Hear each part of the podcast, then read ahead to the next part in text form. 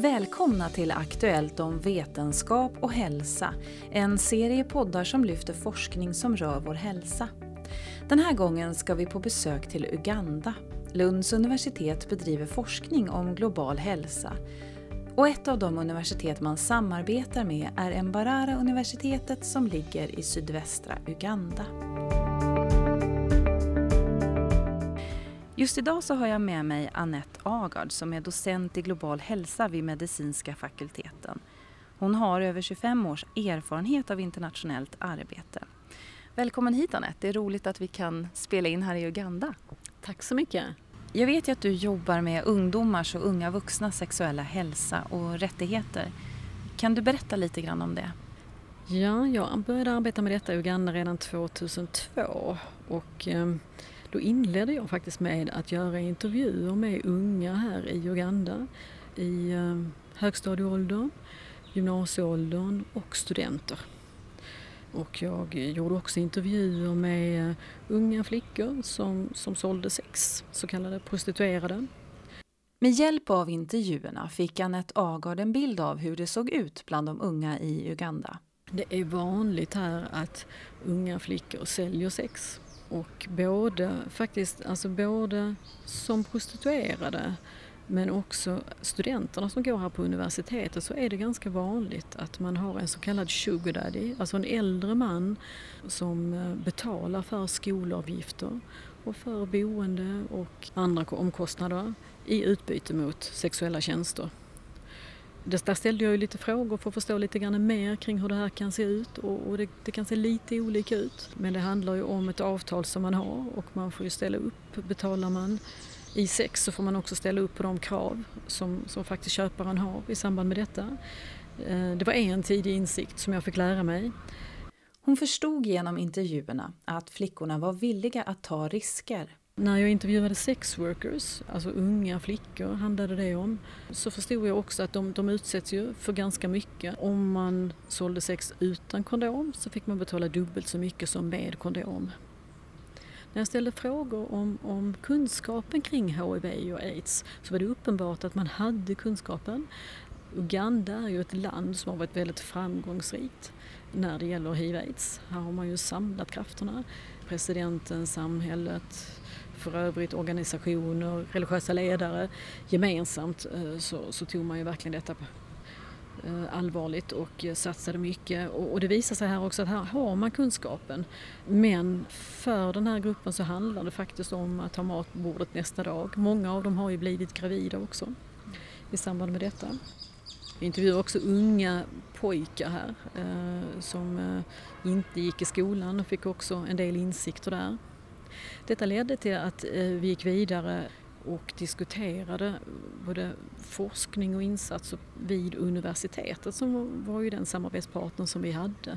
Annette Agard betonar att det är viktigt att ha ett bra samarbete med myndigheter och organisationer i de länder man arbetar i. När vi började här i Uganda så började jag med att åka till hälsoministeriet, vilket känns viktigt här i, i Kampala.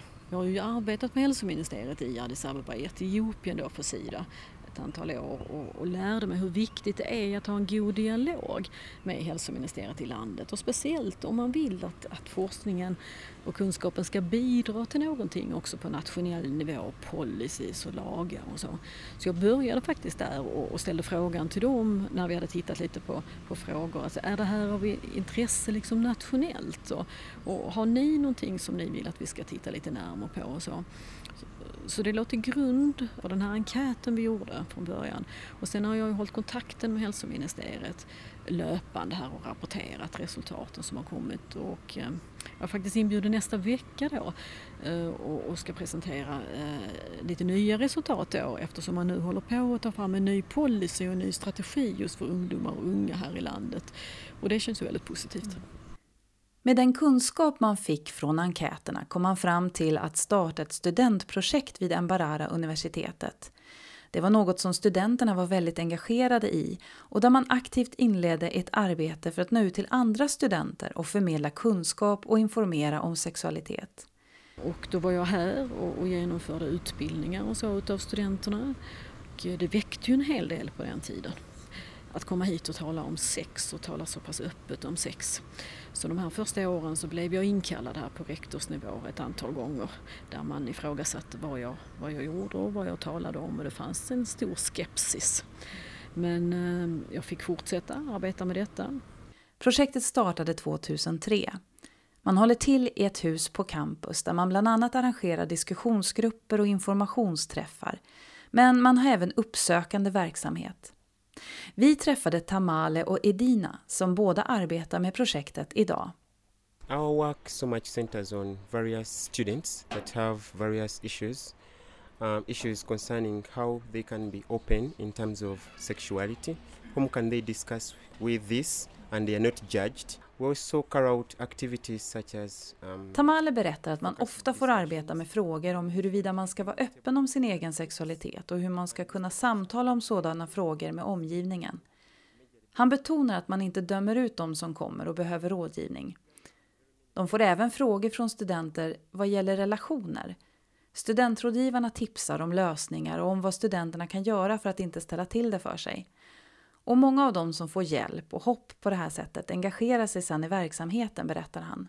And many of these peer members who get convinced and hoped in this way are the ones that become our members. So in other words, we are working with um, victims that have been hoped and they need also to offer this hope to others out there in the world. Yeah, sure. Så med andra ord så arbetar vi med offer som får hjälp och som sen kan erbjuda denna hjälp till andra, förklarar Tamale. På frågan om vad projektet betyder för studenterna på Mbarara-campuset svarar Edina att de som motto har att folk ska få förverkliga sina drömmar. Because actually our motto is realizing our dreams. So if I start from that, these students come here när studenterna kommer hit har de ingen kunskap om sexuell produktivitet, säger hon. Hon menar att man genom sitt arbete hjälper dem med rådgivning, både vad gäller deras problem och deras beteende. Man reder ut missförstånd som ofta finns. Och hon nämner också att man genomför utåtriktade insatser för att påverka folk med information. Very many scenarios here. People come and tell us there is sexual violence in our place. So what we do, we usually go to those places and then we usually uh, talk about those things. And det händer också att studenter kommer och berättar att det finns sexuellt våld där de bor och då brukar vi besöka dessa ställen och prata med de inblandade, säger Edina. Jag jobbade ju nära det här projektet länge och, och, och vi, vi, sökte ju kunskap då kring hur det ser ut här eh, bland unga när det gäller risktagande och ta sexuella risker. Det behövdes mer kunskap. Och på så sätt så ledde det till att vi, vi valde att göra en större enkätstudie bland studenterna. Det var enkät, en enkät som innehöll många frågor eh, brett kring eh, såklart bakgrund och psykisk hälsa, eh, sexuell hälsa, alkohol, droger, livsstilsfrågor. Och den här datan har, har, vi publicerat mycket artiklar kring, idag 19 faktiskt publicerade artiklar. Och sen har vi gått vidare, alltså när vi har fått de här siffrorna så har vi ju velat förstå mer vad ligger bakom siffrorna. Vad ligger bakom att det är så här många procent som faktiskt aktivt väljer bort att använda kondom eller att ha flera partners? Och då har vi gjort djupintervjuer då eh, kring det här för att förstå mer. Och bland annat har vi gjort alltså djupintervjuer bland, bland unga kvinnliga studenter för att förstå mer kring relationen då med de så kallade sugardaddies. Hur går det här, ser det här ut, det här kontraktet egentligen och vad är det som driver? Och där har vi ju förstått att här handlar det om att få möjlighet till att studera.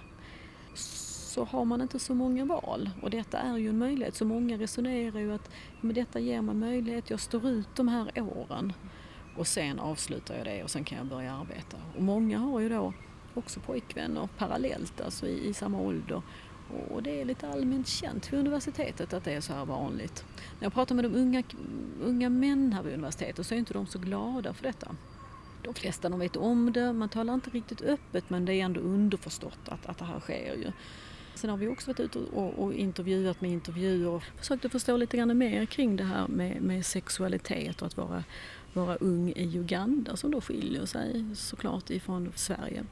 Eftersom förutsättningarna ser annorlunda ut här. Va? Både när det gäller kultur och religion och socioekonomiskt, flera faktorer spelar ju roll. Mm. Men du, när du pratar här om det här studentprojektet som ni har startat och nu 13 år senare när du kommer hit och möter, möter dem, vad, vad känner du då?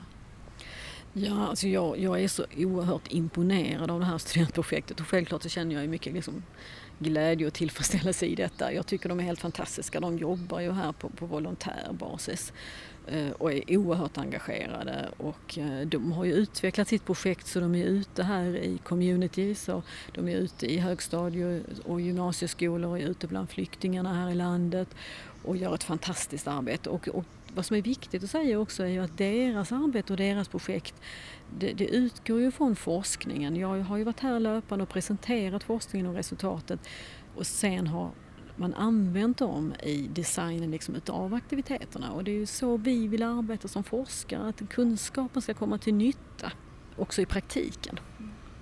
När vi träffas har Annette Agard nyligen publicerat en vetenskaplig artikel som ett resultat av enkäterna. Och den här artikeln handlar om förekomsten av homosexualitet bland studenterna.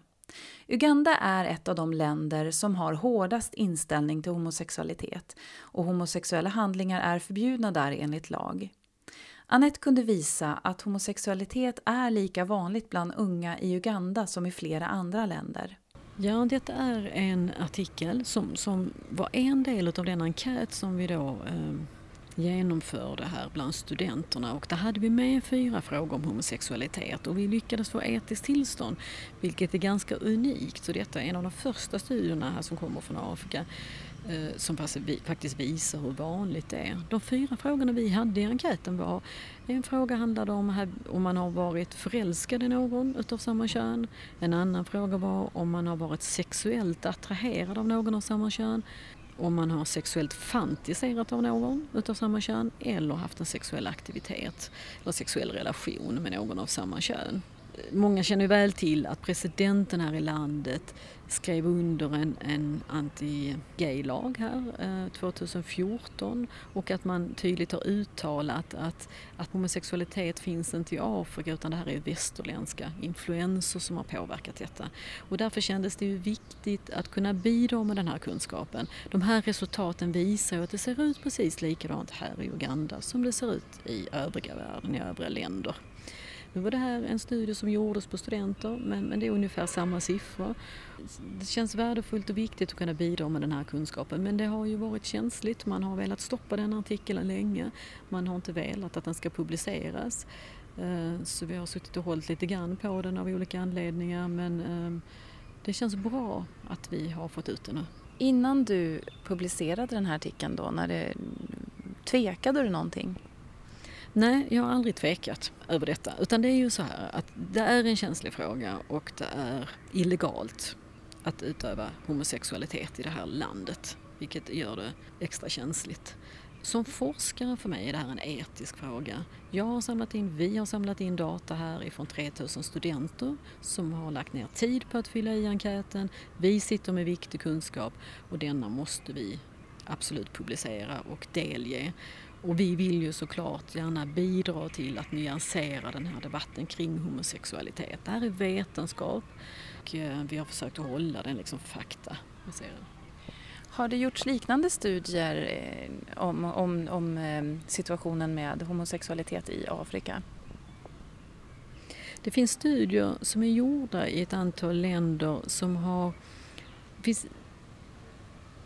finns finns populationsstudier där man går ut och tittar på hur vanligt är det här i en viss befolkning eh, i Sydafrika där det är lagligt. Men för övrigt har det varit svårt att göra den här typen av studier just på grund av att det är svårt att få etiskt tillstånd. Däremot så finns det ett flertal studier när det gäller eh, hiv-positiva där man har varit och undersökt män som har sex med män som vänder sig till kliniker eller där de har gått ut och sökt specifikt i de grupper män som har sex med män där man kan ha ställt vissa frågor. Vår studie handlar ju om att vi visar hur vanligt det är men också att sambandet med att den här gruppen har betydligt högre hälsorisker. De har högre risk för att vara utsatta för sexuellt tvång och våld, våld i allmänhet. De har sämre psykisk hälsa de tar större risker när det gäller alkohol och droger. De har också otillfredsställda vårdbehov. De, de, kan inte vända sig till hälso och sjukvården just eftersom det är olagligt. Detta framgår i studien och det är ju viktig kunskap att nå ut med eftersom detta bidrar ju till en, en, en ökad risk också av spridning av sexuellt överförbara sjukdomar och HIV. Ofta leder, lever man ju också i ett heterosexuellt förhållande eftersom det här då inte är lagligt så, så har man det lite som skyddsmantel att man lever med sin fru och på så sätt så sprider man ju också infektioner. Den här jag har ju precis nyligen publicerats då så att det här är ju en av de första gångerna du återvände till landet. Du, kände du någon oro eller hur, hur, hur har du tänkt där? Nej, alltså jag kände personligen ingen oro. Jag har ju fått mycket frågor inför detta. Och eh, just frågor kring är du orolig för att det här kan få konsekvenser och kan din kan det finnas någon säkerhetsrisk och så? Nej, jag har nog inte tänkt så själv. Jag är ju forskare och det här är vetenskap. Det finns ett antal händelser här i landet men det har ju framförallt varit relaterat till personer som jobbar aktivt med eh, med målgruppen kring eh, aktiviteter och så. Jag är väl ändå förberedd på eh, en del reaktioner här på artikeln, absolut. Men det känner jag mig väldigt stark och övertygad om och är beredd på att ta de diskussionerna. Arbetet här i Uganda har ju pågått länge. Eh, men du har ju också forskat i ett flertal andra länder. Hur har det påverkat dig? Ja, alltså, det har påverkat mig väl som forskare om jag ska svara kanske utifrån det perspektivet. Att jag har nog fått en ökad förståelse, fått ett annat perspektiv, ehm, en ökad ödmjukhet. För att det ser väldigt olika ut. Vi har olika förutsättningar eh, i olika länder. Trots detta så är vi alla människor och väldigt mycket är ju faktiskt lika. Men när vi spelar in här så ska du ju precis publicera nya data om sexuellt tvång i Sverige. För du forskar ju även på unga vuxnas och ungdomars hälsa och rättigheter i Sverige. Vad har ni sett i, i den studien? Ja, vi gjorde en studie, det var faktiskt 2014 som vi gjorde den studien, då vi vände oss till 7000 unga personer mellan 18 och 29 år i Skåne. Och där hade vi med en, en fråga som handlade om sexuellt tvång.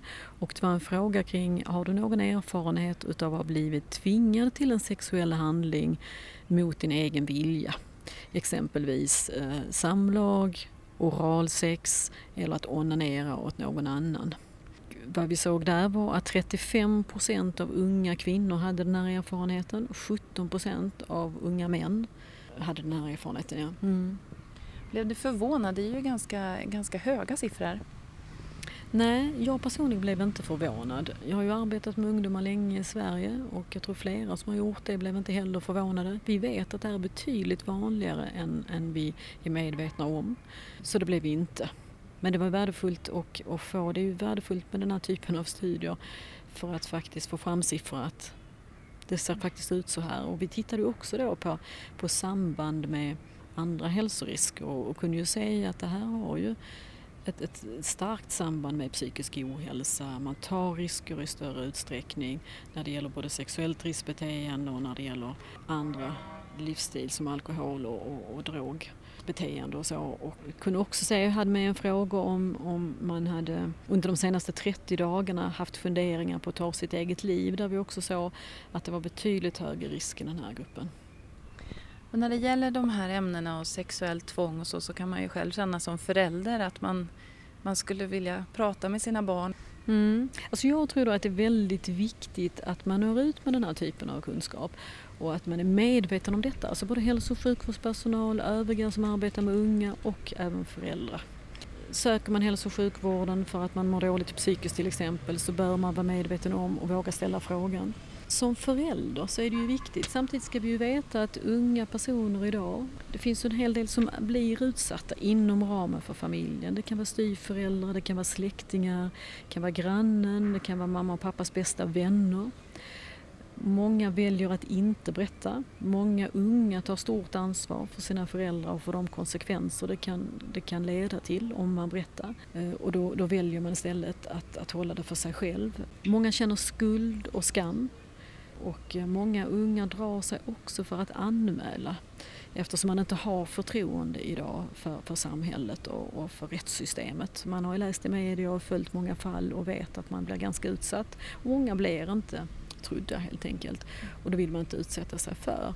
Så, så man ska absolut som förälder eh, självklart ställa frågor och så men man ska också vara medveten om att det kan vara svårt att berätta. Vad hoppas du att din forskning både här i Uganda och i Sverige kommer att leda till?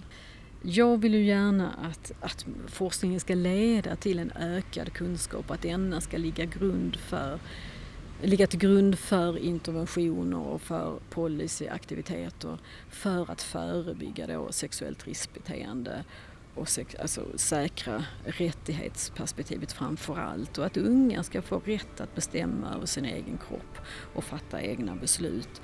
Och då krävs ju också att man har tillgång till kunskap och att man får in sexualundervisning tidigt i, i, i, eh, i skolan och eh, att man förstår att man har rättigheter. Du har lyssnat till en poddserie om forskning som produceras av redaktionen vid Aktuellt om vetenskap och hälsa. Mer information finns på vetenskaphalsa.se. Du kan också följa oss på sociala medier.